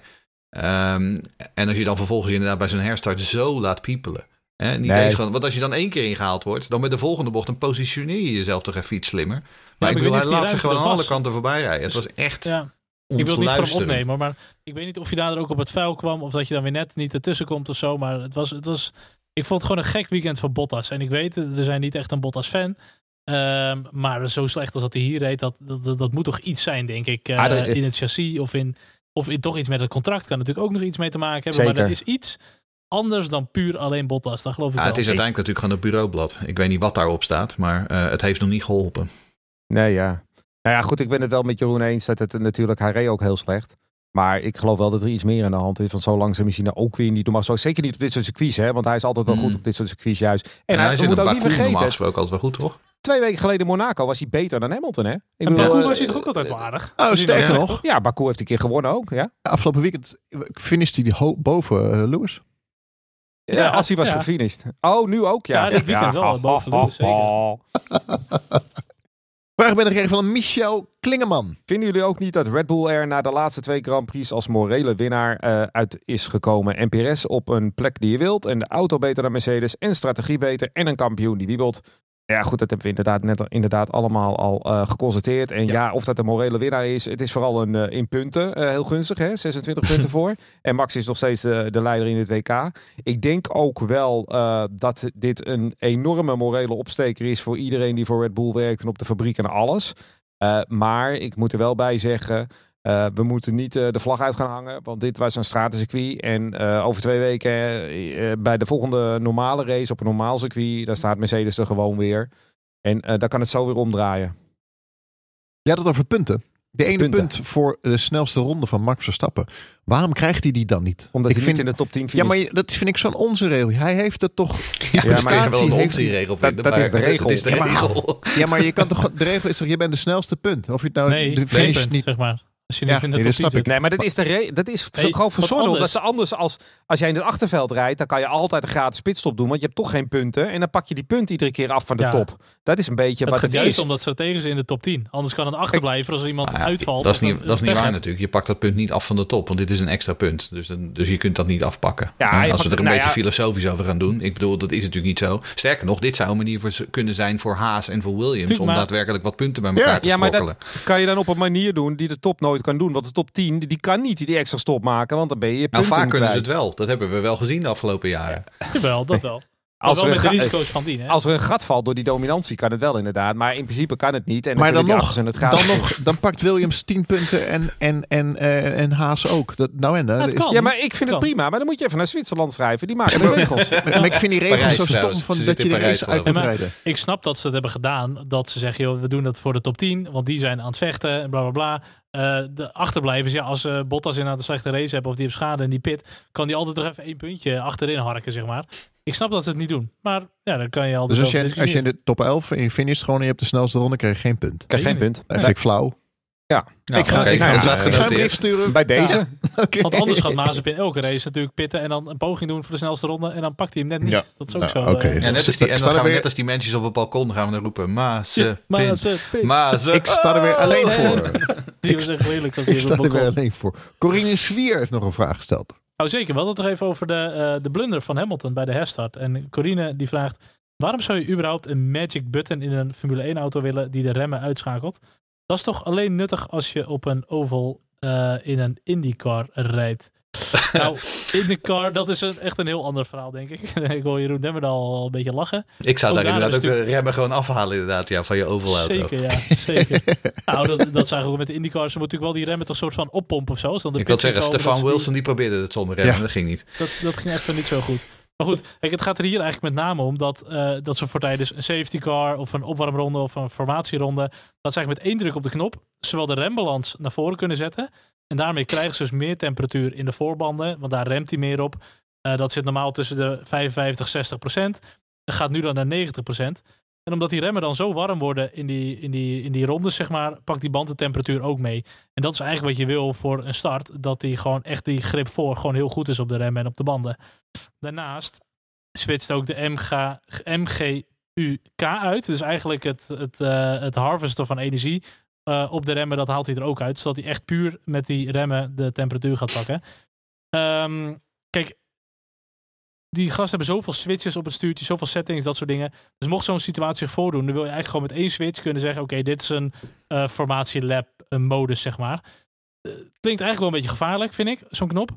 Maar goed, ehm, het is wel nuttig voor die gasten om te hebben. Maar hij zei achteraf de tegen op de boordradio met zijn engineer. Ik had hem, I swear I turned it Ja, ja. on en off. Ja. Had hij ook gedaan. Maar daarna is er, heeft toch, de, eh, toch die knop wel weer teruggeswitcht. Of misschien omdat hij natuurlijk zijn hand op het stuur heeft voor die koppeling, zeg maar, dat hij hem toch wel weer heeft teruggetikt. En dat is best wel gek. Ik, ik vraag me wel af, wat als je dit ook kan aanraken met, met 330 km per uur. Eh, er zit, het is natuurlijk een break-by-wire, dus heel veel is via software. Dus ze sluiten heel veel situaties al uit. Hier zal ook echt gewoon een update naar gaan komen in de software of in het stuur. Ehm, dus ik weet niet ook of het vanaf bepaalde snelheden bijvoorbeeld zomaar kan of niet. Ehm, maar het het klinkt wel waar gevaarlijk is. zo'n knopje, dat wel. Als het waar is. Dat is Nou, want dat is het hebben. dus. Want eh, er was, Ja. je hebt die eh, Craig eh, Scarborough heet hij geloof ik. Eh, Ja. die, die, die technische jongen. Ja, ja, Die oh, postte ja, gisteren een foto waarop Ja. dan zeg maar stond een, een, bij een soort van aanwijzing zeg maar hoe je, dat, eh, hoe je die functie dus aanzet. En dat is dus een combinatie van knopjes op dat stuurwiel. Ja. Dus hoe je dat per Ja. ongeluk even aantikt tijdens het rijden. Ik, ik snap Ja. het nog steeds niet. Nee, en de communicatie van teams naar buiten toe over fouten zijn sowieso wel eens een Ja. beetje discutabel. En eh, ja, bij deze, ja, ik, ik weet, ik, weet, toch, ik zou ook niet eh, weten waarom je niet zegt. Want je kan ook gewoon zeggen, ja, hij heeft zich verremd per ongeluk eh, en we gaan door. Maar toch, als Maar je die, die, die boordradio horen. En tuurlijk weten ze dat ze worden meegeluisterd. Maar daar was Hamilton na de race natuurlijk echt wel dat hij vroeg veel. Ik zou echt zweren Ja. dat ik hem uit had gezet. Hij was echt Dat, ze, dat had je emotioneel. ook. Maar je Ja. hebt hem toch eh, per ongeluk nog weer, weer aangeraakt. Ehm, wat ik vooral knap vond, is dat Perez, die ging natuurlijk echt zij aan zij met Hamilton. Ja. En je laat je op een gegeven moment toch verleiden. Want als Ja. iemand anders zich verremt, doe Ja, je dat ja, ja. vaak zelfs ook. Maar Maar. Perez die had echt gewoon Ja. in zijn hoofd. Oeh. Dit is het laatste wat ik kan remmen en dan rem ik. En als hij dan gaat eh, en hij heeft hem, dan is dat maar zo. En dat vond ik zo knap. Dat Hamilton er gewoon zeker. ging. En Perez Zeker, zeker. maar het kan toch niet dat als ze eigenlijk tegelijk remmen, dat Hamilton echt helemaal gewoon op de voorremmen eh, volledig blokkeert. En Perez die remt hem gewoon prima in. Maar Britse media was ook vernietigend over Hamilton. Hoor.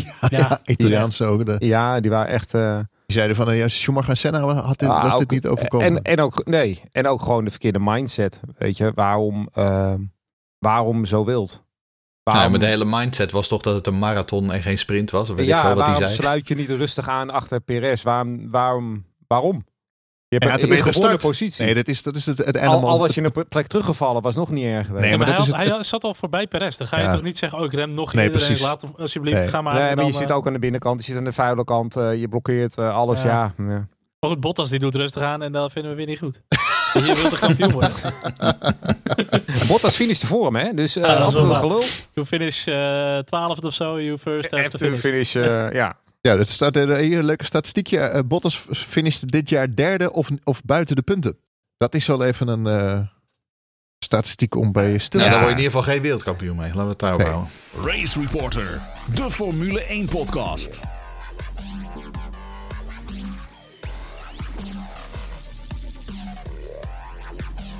Formule1podcast.nl Gevechten in het middenveld. Aston Martin. Mag ik, mag ik over Vettel?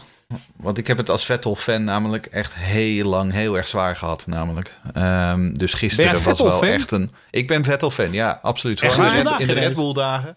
Ik was een Jemig. ontzettend grote Vettel. Vooral de- wat, wat ik hier wel vaker gezegd heb. De oude Vettel Ja, die over klopt, lijken ging. Klopt. Ja, daar ben ik een heel groot fan van. Dat was, Ehm, dat was de jonge Vettel, hè? De jonge Maar- Vettel, ja precies. Ja, de, jonge, oude de oude jonge Vettel. Ja, Oh, oh. De Vettel Heb je bewust ook je haar net als Vettel gedaan nu? Zo'n beetje Ja, begin ja da- daarom, heb ik, daarom heb ik ook deze hairdo inderdaad. Ja, zeg maar als een soort van eerbetoon aan Sebastian. Nee, maar jongens, oh, wat was het fijn gisteren. Het was zo ongelooflijk fijn om Sebastian weer eh, echt in vorm te zien. En gewoon op het podium. En gewoon... eh, hè, ik, ik zat ook hier weer, zat ik even naar de puntjes te kijken. Vorig jaar in totaal, in 17 races bij die Ferrari, 33 punten. Hij heeft er nu al 28. Het is, het is, hij is bijna gewoon nu als een Ferrari totaal van vorig jaar voorbij. En hij zit in een schwung en hij was in Monaco al sterk. Ja. Ik ben er zo blij mee. Ja, Maar ja. serieus, als je hem had gewonnen, had je dan thuis met je vingertje gezeten zo of niet? Ring, ding, ding, ding, ding, ding. Vast wel. Yes, yes, yes, yes, yes, Dat verdraaide vingertje. Maar Vettel, ja leuk. Grazie leuk. ragazzi. Ik vond die eh, dri- driver of the day eh, call vond ik erg grappig. How did, you, op how did you get my number? zei hij. ja, mooi, hè? mooi. Ah, Vettel is een beetje veranderd, hè? Want hij heeft het over de, Wel. over de jonge oude Vettel, zeg maar. Maar dat was echt een blaag. Was Ja. dat, Ja. hè? Echt een vervelende, eh, echt een Ja. blaag. Echt een dat. vervelend rot, joh. En ja, en nu is, de, nu is het een beetje de, de, de vader van de hele grid, zeg ja, maar. hij, hij was blij Ja. voor Perez. Iedereen feliciteert Ja. die en iedereen hangt die, eh, hangt die om, de, om de nek heen. En, eh, een heel andere jongen geworden. Het is sowieso wel een familieman. En hij was natuurlijk, soms ging hij echt tot het gaatje ook eh, om, om alles te winnen en zo. En nu heeft hij gewoon wat meer rust. En eh, die vervelende pest-Italiaan is hij ook kwijt. dus nu kan hij toch ook wel een beetje gaan genieten gewoon van Nou, je, hebt ook het, je hebt ook het idee dat hij, zeg maar, ik had ook het idee dat nadat hij toen een aantal keer, zeg maar, dat directe gevecht met Hamilton verloor, dat er gewoon iets knapte of zo. Dat hij gewoon, eh, en vervolgens kwam natuurlijk Ja. Leclerc, die hem eigenlijk gewoon in zijn eerste seizoen meteen echt eh, eh, de, om, de, om de oren reed. Ehm, dus ik vind het fijn om te zien dat hij nu, want eh, hij zei natuurlijk, ik heb vijf, zes races nodig om zeg maar hier in die nieuwe Aston Martin een beetje eh mijn draai te vinden. Nou ja, dat hebben we wel gezien in de afgelopen twee races. Dus ik hoop echt, zeg maar, ehm, er was gisteren iemand die op Twitter zei van ja, maar twee zwaluwen is nog geen zomer. Ja. Nee, nou ja. Ehm, misschien niet, maar ik hoop het wel echt. Ik hoop echt dat we nu eh, de herboren Vettel terug gaan zien. Maar goed, verder Vettel, Aston Martin gewoon echt een hele goede race. En ik denk ook wel een strategie die aardig in een ander viel. Ja. Maximaal geprofiteerd van de incidenten. Eh, en voor mij ook persoonlijk groot applaus voor Vettel. En echt leuk om hem weer eens terug op het podium te zien. Maar wat wel gek is, Ehm, is dat die Mercedes, die werkte dus voor geen meter hier. En die Aston Martin, die zeggen ze dat is Mercedes nummer 2, die ging daar juist weer wel heel lekker. ook niet helemaal meer, toch? Hey. Nou ja, dat blijkt dan. Want, want blijkbaar eh, ging die auto hier wel weer goed. Goed, ik heb niet het idee dat nou Vettel of Aston Martin weer echt helemaal terug zijn van weg geweest. Nee. Dus in dat opzicht, de temperatuur loopt op. Maar het is zeker nog geen zomer, dus eh, we gaan het zien. Ehm, Mooi gezegd hoor, mooi gezegd. Ja, Ah, Maar dit, zijn wel, een maar dit zijn, applausje, kost- maar dit applausje, zijn wel ja. kostbare punten. Kijk, dit zijn ook wel de races waarin je dan als een Aston Martin, dan moet je er dus staan. ja, ik hoop Eh, ook een beetje, wel beetje als die ze- rare race op Turkije of op Monza vorig jaar. Ik hoop dat ze echt een hele mooie waterput eh, zetten voor deze trofee. Nou, of, ik wil het zeggen, hier komen een hoop waterput uit voort uit die 18 punten, denk ik. Ja. Ja, ja, en wat ik wel leuk vond was dat beeld van, eh, van Vettel met die Ferrari eh, eh, sparkling wine op het podium, zeg maar. Dat vond ik wel grappig. Ja, wat is Dat dat, was de enige Ferrari weer het podium. En, Ja, ja. Vettel had er daarvan een vast. Nou, je hebt het over, over Ferrari, maar ze hadden wel weer pol. Negende pol voor Leclerc. De vierde maar voor Max. Ja, maar goed, daar is dan ook wel alles een beetje mee gezegd. Want het enige positieve Ja. voor Ferrari verder is dat ze net aan voor McLaren zijn gekomen. Ja. Als je wederom van Paul ma- mag starten eh, en dan ook dit, dit keer het echt doet. En dan, eh, eh, wat is het, P5 eh Sainz geworden uiteindelijk? Eh, of Leclerc? De Claire, Ja, ja. nou ja, dan, Sainz was 7 of 8 of ja, dan verwacht je toch echt wel meer. Weet je? Dit Ik is moest- gewoon... Ik moest dit weekend inderdaad wel een paar keer aan Jeroen Nemmerdaal denken. Die ooit zei, eh, dat is de reden waarom Red Bull Science Note heeft aangenomen. Het is gewoon geen kampioensmateriaal. Hij Het is geen zulke closer. zulke fouten gemaakt dit weekend. Ja. Nou ja, en ik, ik vind wel wat jij zegt. Hè, Leclerc start dan van Pole, maar weer haalt hij geen podium. En als je kijkt naar zijn statistieken tot nog toe, hij is iedere keer in, alleen maar in de top 6 gefinished, als hij finisht dus. Ehm, maar het podium haalt hij niet. Ehm, en en er, zit toch wel gewoon nog steeds een fundamenteel eh, gebrek aan snelheid in die auto. Uh, vooral zeker. over de longe runs. Ik vond het ook wel grappig, want Sainz die ging letterlijk achteruit op de baan. En Leclerc ging eigenlijk ook gewoon figuurlijk achteruit. Uh, dus Ferrari was echt super goed bezig. Maar, ja, uh, ja, ja, het, was, het, is treurig. Ik de, ze verwachten daar natuurlijk echt wel meer bij Ferrari en, en vanuit Italië. Oh, laten we blij zijn, dat ze, ze gepakt. blij zijn dat ze een beetje meedoen. Nou, ik, blijf, ik ben wel benieuwd of ze nog een beetje bijblijven uh, dit seizoen. Ah joh, als derde is toch Ferrari? Ja, met McLaren. Uh, ze zijn in ieder geval al beter dan, Ah, ja, ik vind- dan vorig jaar. Ja, Ja, ik moet, ik moet precies. sowieso zeggen dat het hele veld, eh, inclusief Ferrari en McLaren, zit een stuk dichter op de top ook. Hè. Ja. Het scheelt Ja. echt. Nee, tuurlijk. Vroeger had je acht tiende en dat, dat is nu twee, Hey, drie maar tiende maximaal. Nee, maar goed, vorig jaar werden ze zesde, Ferrari. En Ja. gewoon niet een beetje ook. En ze, ze, ze doen er nu gewoon mee om de derde plek samen met ja, McLaren. ze hebben echt, echt grote En stappen ook als gemaakt. je, als je kijkt naar de stand in het constructeurs. Het gaat natuurlijk echt tussen Red Bull en Mercedes. En dan Ferrari tegen McLaren. Alfa Tauri, Aston Martin. Nou, Renault die zit eigenlijk een beetje, een beetje net, net niet. Ja, die zwemmen en een dan heb je beetje. natuurlijk de, de... Ja, Alpine, sorry, dankjewel. Ja, alsjeblieft. Ehm, maar en dan hebben we natuurlijk echt de, de battle om de, de achterblijvers een beetje. eh, De, is Sauber bedoel je? geweest. Maar goed, Dat is nog een leuk Sauber. weetje, nog, nog een leuk weetje kom ontdekt. maar. Ik, eh, ik zat even te graven. Eh Lando Norris is de enige rijder dit jaar die in alle races punten heeft gescoord. Zo. Ja, hè? Ja, en op één race na alleen maar in de top 5 gefinished. En Ricciardo nog geen enkele Kijk, keer. Ricciardo nog geen één keer in de top 5 Nee, gefinished. Nou, Ricciardo dat is wel het verhaal van McLaren. Ja, want al die Ja. andere overstappers die gaan inmiddels eh, gaan die echt wel stappen maken. Hè? Zoals Perez en Vettel en eh, nou, Sainz deed het al goed. Maar bij Ricciardo, die blijft wel een beetje achter nog. Hè? Ook gecrashed dit in, weekend, ik heb hem eh, niet in gezien. Hij was er wel schijnt. Na afloop zagen we hem bij Max voor de camera. Maar voor de rest hebben we hem eigenlijk niet gezien. Dat was de eerste keer dat we hem zagen in het hele weekend, denk ik. Oh, Q2 ging natuurlijk nog in de muur, eh, Ricciardo ook nog. Dus dat zijn Ja. Ook wel nog. dure Ja. dingetjes. hoor. Ja.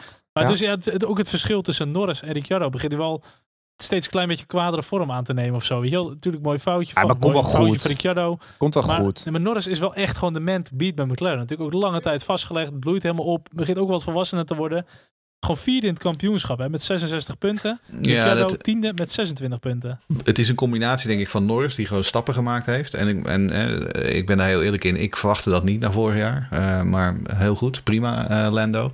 Eh, en Ricciardo worstelt gewoon. Maar aan de andere kant, Ricciardo werd vorig jaar wel gewoon vijfde algemeen in een Renault. Dus ik bedoel, eh, dat die jongen kan rijden, dat Knap. weten we inmiddels wel. Ehm, Echt knap in de maar Renault. hij, hij heeft echt nog wel, eh, echt nog aanpassingsproblemen, heb ik het idee. En soms heb je van die periodes. Max heeft het ook gehad. eh, Norris heeft het nu in de positieve zin. Hij heeft zo'n flow waar hij in zit. heeft Max nog nooit gehad. Uh, Max heeft uh, ook bijvoorbeeld uh, zo'n flow, maar ook mindere periodes gehad die Mm. dan ook komt. Dat gaat Norris ook nog een keertje krijgen. Dat kan ik vast garanderen. En uh, daar gaat de, de, de, ik, de, dat event zich wel weer uit. Ricciardo, die aan het einde van het seizoen staat Ricciardo echt wel ergens waar Norris staat. Ik het, ben ik van overtuigd. Jawel. Ja. ik weet het. Maar goed, al met al wel een beetje een uh, flats weekend voor uh, McLaren. Spring even van, de, even van de hak op de tak. Ik wil het toch nog even hebben over de crash van Stroll en Max. Want Ja. wat mij opviel was Mag. dat Stroll heel lang in die auto zat zonder dat ook maar iemand naar hem toe liep. Dat had puur te maken met de teamradio. Team zei ook echt, stay in the car, Blijf it's zitten, not ja. safe, stay in the car. En hij was gewoon oké. know was, ja, nee. Ik had eh, meteen switch ik altijd naar de onboards dan. En dat hij werd echt gemaand om te blijven zitten goed dat je totdat er iemand aan hem toe kwam. Maar wat wel opvallend was, dat hoe langer duurde voordat er een safety car kwam bij Max. Hè? Ja. Mm. Dat was echt heel lang. Ik ben toch wel bang met dit soort crashes dat, dat eh alle Hubert, als er dan zo'n auto op zo'n recht stuk stilstaat, eh Ja, als ja. iemand daar in de zij- zijkant inknalt, eh, ik snap het echt dat ze blijven zitten. Dus eh, Nou, het, voordeel is, het voordeel is wel dat het gebeurde op het tweede deel van het rechte stuk. Want die, eer- dat eerste deel heb je nog een aantal van die blinde bochten, zeg Ja, maar. En als ja. daar iemand eraf klapt en dat je, je ziet niemand om het hoekje staan, dan wordt het nog wel gevaarlijk. Wat me ook opviel is, eh, McLaren had er een klacht over ingediend bij de FIA. Dat op dat moment dat Max van de baan vloog, dubbel yellow, dat iedereen vol gas er nog... iedereen Echt schandalig. Ja. En uiteindelijk kreeg Norris inderdaad volgens mij nog een reprimande of iets. eh, dat nee, hij Masi, ergens- hij zei dat hij het hele veld eh, eh, ging aanspreken hierop. Omdat ze Ja. allemaal Ja, eh, het- dus ze eh, niet genoeg hadden. belachelijk hard gingen ze door allemaal. 330 ongeveer ga je Ja. daar. Ja, eens. Oh, en nog één vraagje. Eh, stel nou, als Max was gespint over de start-finish, had dat nog effect gehad of niet? Nou, eventueel als je de race niet was hervat en ze gaat Ja. een ronde terug, dan volgens mij wel. Want ze hebben nog een ronde eh, Ja. achter de safety car gereden, dacht ik. Ehm, maar Ja, goed, maar die hele discussie heb ik ook begrepen. Dat, Nee, dat was gewoon veilig. Iedereen mocht wisselen van zijn bal. Ja, dus het is gewoon terecht dat die wedstrijd is vraag. uitgereden. Gewoon een stomme vraag. Stomme vraag. Stomme vraag. Snel door met Gasly. Ja, nou die heeft eh, weer een heel mooi weekend gehad natuurlijk. Eh, derde podium. Hij heeft nu P1, P2 en P3 op zijn cv. Dus dat is gewoon prima. En Ook allemaal die- in Alfa Tauri, geen enkel in de Red Bull. Ja, Ja, dat is toch, ja. best prima. Ja. Maar goed, dat, we hebben het wel vaak gezegd. Die jongen die leeft helemaal op bij Alfa Tauri. Die zit er echt goed op zijn plek. Eh, volwassen races, eh, doet het gewoon goed. En leuk om te zien ook, om die Alfa Tauri gewoon eh, die, die kansjes te zien pakken. Ehm, ten opzichte van Yuki, eh, die, die echt nog wel heel grillig is. Maar- ja, leuk om te zien. Maar toch, toch hebben, hebben jullie wel gelijk in. Wie wil hem hebben?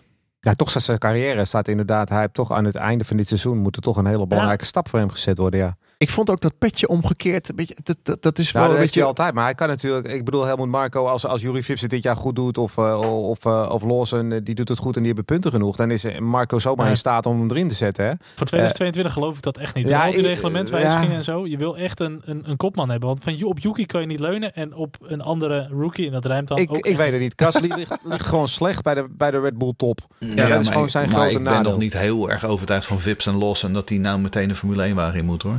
Nee, maar ik was ook niet overtuigd van Yuki Tsunoda die de Formule 1 in moest. maar goed, die zit die er ook. heeft nog een eh, zekere Japanse motorenfabrikant achter zich staan.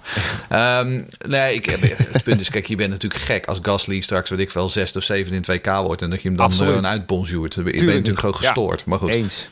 Ehm, Ik mag toch hopen dat hij zit wel vast. Hij zit echt wel- op een, op, hij zit, hij zit in een doodlopende steeg, zeg maar, qua carrière. Want hij kan nergens heen. Want de Red Bull wordt Nee. het niet. Dus waar ga je heen dan inderdaad? En nou schijnbaar gaan ze ook kon verlengen bij Alpine. Dus nou ja, daar wordt het, dat wordt hem ook niet. Er zijn natuurlijk wel wat opties. Je kan misschien, hè, we horen dat eh, de, de geruchten dat Alfa Romeo toch wel stopt met het eh met sponsornaamgever. Ja, dan, dan zou daar misschien, hè, dan hoeft daar misschien ook niet meer per se een Ferrari junior te komen. Nou, Kimi kan sowieso ook zelf stoppen, dus dan zou daar wel. Maar ja, goed, wil je vanaf Alfa Tauri naar Alfa Nee. Romeo? Ja. Maar ik, kijk, Frans Tost heeft het misschien niet voor het zeggen, maar ik kan me voorstellen dat hij zich echt wel hard maakt om Gasly gewoon Ja. voor 2022 vast te houden. En dat die zullen echt wel ja, dat denk ik. Dat hoop ik wel. Dat hoop Ja. ik Ja, wel. ik Ja. vind het een leuk, leuk gastje wel hoor. hoor. Goed, verder hebben we nog Alonso en Alpine. Nou, Ocon natuurlijk al vroeg in de race eh, uitgevallen. Over Die 1000 onzichtbaar pk die, gesproken. eh, Ja. ja, Ik had het bijvoorbeeld over. Ricciardo, maar Ik, Die ik zag Alonso, Alonso. na afloop eh, op de timing sheet, zag ik, hé, ja, zesde. Ja. Hoe dan? Ja, Ik heb Ja, maar- jongen niet gezien. Dat is wel weer mooi. Dat, Alonso is echt zo'n oude vos die dan zijn streken nog heeft. En die weet toch op een of andere manier wel weer zichzelf in een goede positie te krijgen. Goede start nog op inhaalacties. En gewoon eens P6. en nu is hij ook Ehm, al weer voorbij in 2K. Ja, Ja. dat is dan wel weer jammer. Dat is toch top. Ja, Ocon kon er niks aan doen dit keer. we konden er niks aan doen. Ja. Eh, Ja. Goed. We gaan kijken naar de achterhoede. De gevechten tussen Alfa Romeo. Die, eh, hebben, eh, Kimi scoorde zijn eerste punt. Ja, een 100% eh, groei voor eh, Alfa Romeo. Die gaan van Ja. eh 1 WK-punten naar 2 WK-punten. Oh, en nu hebben Giovinazzi en Kimi er allebei één. Ehm, nou, dat is hartstikke leuk voor Kimi. Maar verder, eh Alfa Romeo is natuurlijk gewoon veldvulling, laten we wel zijn. Ehm, wat wel een beetje pijnlijk is, is dat Williams nu gewoon helemaal stijf onderaan staat. Omdat Mick Schumacher een dertiende plek heeft gescoord. En eh, Nikita Mazepin een veertiende plek. En dus eh, staat Haas nu negende in het WK. Ehm, ja, dat zou je toch vooral eh, omdat Williams natuurlijk wel iets meer vorm heeft getoond dan, eh, dan Haas. Ehm, ja, je mag toch hopen dat Williams dat ergens dit seizoen nog even, nog even recht zet. Al is het maar Jawel. met een paar puntjes.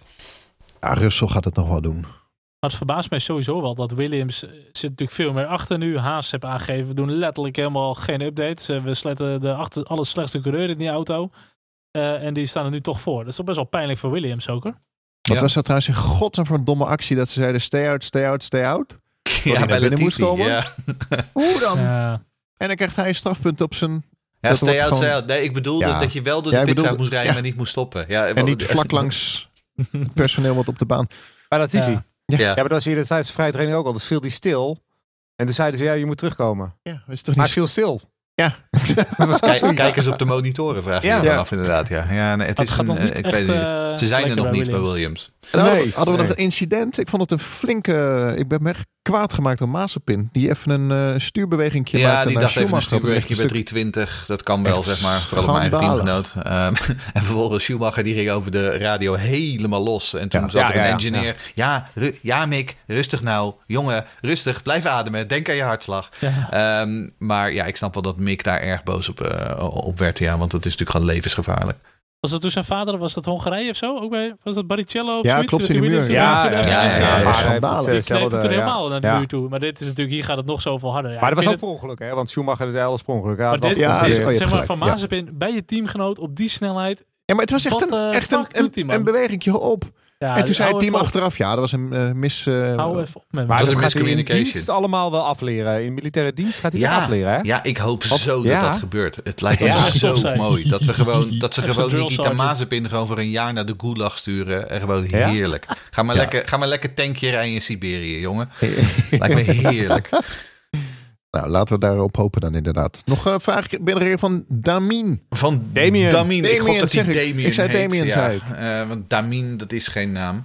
Ehm, eh, die vraagt... eh Mazepin heeft nog geen straf gekregen voor zijn idiote actie op Schumacher aan het einde van de race. Eh, kan de FIA hier strafpunten voor geven? Ehm, nou, eh eh, Mazi eh, die gaf na afloop toe dat hij het eerlijk gezegd gemist had. Eh, maar dat hij nog een keer even duidelijk naar de beelden ging kijken. En op basis daarvan een beslissing ging nemen. En eventueel een reprimande zou geven aan Mazepin. Eh, maar ik heb niet het idee dat er strafpunten op het, eh, op het request gaan komen. Er is in feite natuurlijk ook gewoon niks gebeurd. Kijk, ik denk wel dat je inderdaad na afloop even met zo'n Mazepin moet zeggen van... Hé, jongen, volgende keer gewoon misschien even niet doen. Dit, dit soort fratsen. Maar ehm, in feite is er niet zo zoveel gebeurd dat je ook daadwerkelijk strafpunten krijgt. Maar wat nou als het wel misging? Wat, Ja, dan, denk ik, dat, dan denk ik dat hij misschien à la Grosjean wel een paar wedstrijden aan de kant was gezet. Ja. Zo. Ja.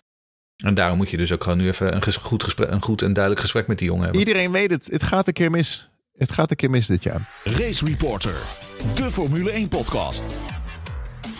Racereporter.nl Laten we gaan kijken naar het fantastische, mooie circuit wat er aankomt. Echt, nou ja, ik bedoel, we hebben veel mooie Franse circuits. Maillecourt hebben we natuurlijk. We hoor. hebben- Ja, we hebben Le Mans. We hebben Le Mans. Ja, Charles, is er, Charles is stil van. Of die gaat snel even googlen. Zeker. Dijon- Dijon. Dijon. Prenois. Ja. Ja. nou, en daar gaan we dus allemaal niet rijden. Oftewel, eh, nou, tot zover de, voor, tot zover de voorbeschouwing. Frankrijk is zo'n groot land. Kijk naar Nederland. We hebben Zandvoort, Zandvoort en Spa Zandvoort. in de Benelux. En Ja. wat heeft Frankrijk? Het is toch een fantastisch groot autoland met Ja. automerken. En we gaan naar Paul Ricard. Ja, maar ja, goed, Paul Ricard is wel de historische circuit. Hè? Dus dat is toch wel helemaal het, ja, ja, ja. eh, het originele Paul Ricard was helemaal niet zo verkeerd. Het heeft nu een enorme Ja, dat heb je verteld, ja. vervelende naam gekregen. Maar Ja, het de oude, originele oude Paul was tof hoor. Ja, uit de jaren tachtig en al dat soort dingen waar, waar, waar de mensels en alles van deze wereld hebben geraced. Dat was best een aardig baantje. 167 layouts hè, heeft Paul Ricard. Ja, Hoeveel? nog ik vind eentje al vervelend. Maar goed, ze hebben wel, want we moeten positief zien. Er zijn wel wat veranderingen gekomen. En dat heeft het eh, Studio Dromo heeft dat eh, gedaan. Hè? Dat is dezelfde, die kennen we wel van, eh, van Zandvoort. Jij kent ze goed volgens mij. Jarno Savelli, dezelfde man die, die. Zandvoort heeft ge- gedaan, heeft, heeft ook op uh, wat dingen gedaan. Alleen mogen ze alleen, hebben ze alleen het asfalt mogen werken helaas. Overal ligt, bijna overal ligt nieuw asfalt, 70%. Alle bochten behalve bocht 10. Sinjes, dat is die hele snelle bocht aan het einde van het rechtstuk. Daar ligt geen nieuw asfalt. Eh, ze hebben met wat camber gewerkt en, en, en al dat soort dingen meer. Eh, er zijn wat andere aansnijpuntjes gekomen. Eh, al met al, eh, volgens hem, eh, eh, gaat het significante verschillen maken. En zal er meer aangevallen kunnen worden. Hoeveel- en meer geraced kunnen Hoeveel krijg je betaald voor deze promo? Maar toch is het wel voor mij Nou, net zoveel als dat ik altijd van jou eh, betaald krijg per podcast. ja, een blikje chili beans. Top dit.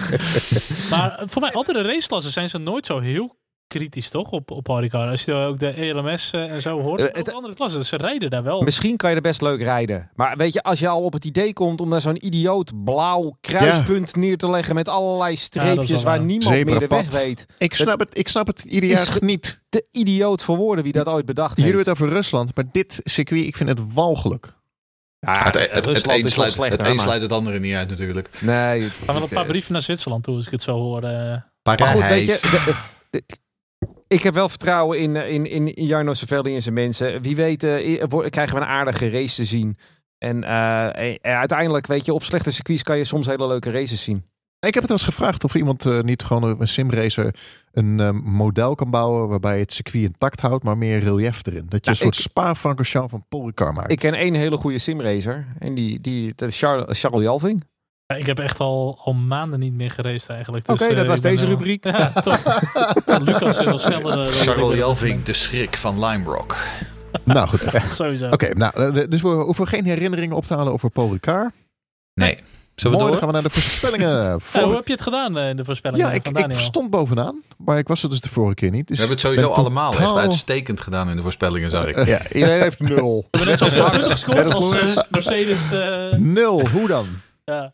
Nou, We zijn, we zijn dus eh, net zo goed als Mercedes. Nou ja, dat is ook wel Nou, waard. Sowieso, als je dit podium goed had voorspeld en je had er een paar euro op gezet, dan eh, had je best wel wat eh, kunnen harken volgens mij. ik wilde het zeggen, ja. Ik kreeg, ik kreeg die vraag op Twitter. Hoeveel mensen hadden dit podium voorspeld? Ik zeg, ik heb geen idee, maar ze zijn allemaal miljonair nu. Echt, ja. Nou, laten we een voorspelling doen. Ik ga als laatst, want dan kan ik een beetje op aan de hand van wat jullie zeggen. ik weet het echt niet. Ik weet er echt niet. Eh, de oudste mag beginnen. Ja, eh, Lewis Hamilton, die gaat winnen. Oeh. Opnieuw. Eh Valtteri Bottas wordt tweede, want die herstelt zich helemaal. En eh Perez wordt nog derde. Ja, dat denk ik. En tiende wordt eh, Fernando Alonso. Oh ja. Ehm, nou, Sergio Perez, die gaat voor de wereldtitel. Dus die gaat winnen.